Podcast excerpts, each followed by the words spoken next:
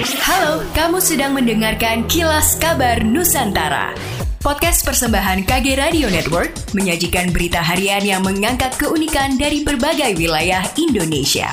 Kilas Kabar Nusantara dapat juga didukung oleh pengiklan loh.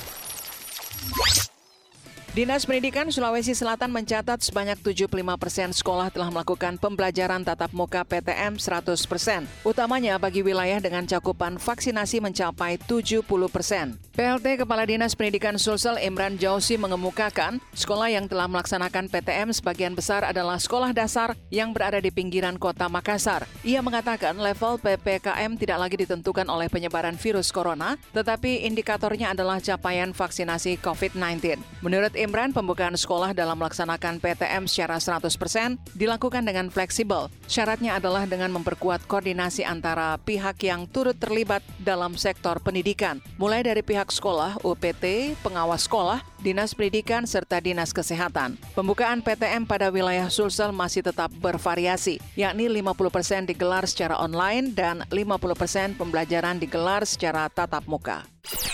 Ajak si kecil belajar sambil mendengarkan dongeng. Media hiburan edukatif, berkualitas, serta aman bagi screen time si kecil yang bisa diakses di mana saja, kapan saja. Yuk, dengarkan dongeng klien orang tua, persembahan KG Media, hanya di Spotify. Lokasi sekolah menengah yang mayoritas berada di kawasan pinggiran disebut berdampak besar pada mutu pendidikan di Kalimantan Selatan, di mana hanya ada 10% sekolah menengah baik tingkat SMA dan SMK negeri yang berada di pusat kota. Ketua Dewan Pendidikan Kalimantan Selatan yang juga guru besar Universitas Lambung Mangkurat Hadin Muhjat mengungkapkan, kondisi itu terjadi tak hanya di ibu kota provinsi, melainkan juga di kabupaten kota. Bahkan dari pemantauan yang pernah dilakukan, hal tersebut juga berdampak pada kesempatan lulusan SMA dan SMK untuk mendapatkan pendidikan yang lebih tinggi dan meningkatkan daya saing. Menurutnya rata-rata lulusan SMA dan SMK di perguruan tinggi negeri berasal dari sekolah yang ada di pusat kota, terutama yang masuk ke fakultas-fakultas favorit di perguruan tinggi negeri yang ternama seperti Fakultas Hukum dan Kedokteran. Pemerintah Kota Manado terus mendorong percepatan vaksinasi untuk kategori anak sebagai bagian yang tidak terpisahkan dari upaya menggelar pembelajaran tatap muka 100%.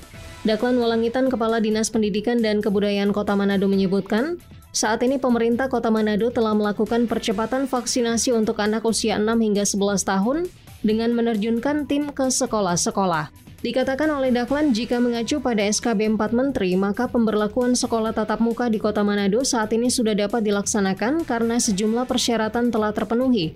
Baik persyaratan capaian vaksinasi guru yang harus berada di angka 80% dan kelengkapan lainnya. Demikianlah kilas kabar Nusantara malam ini.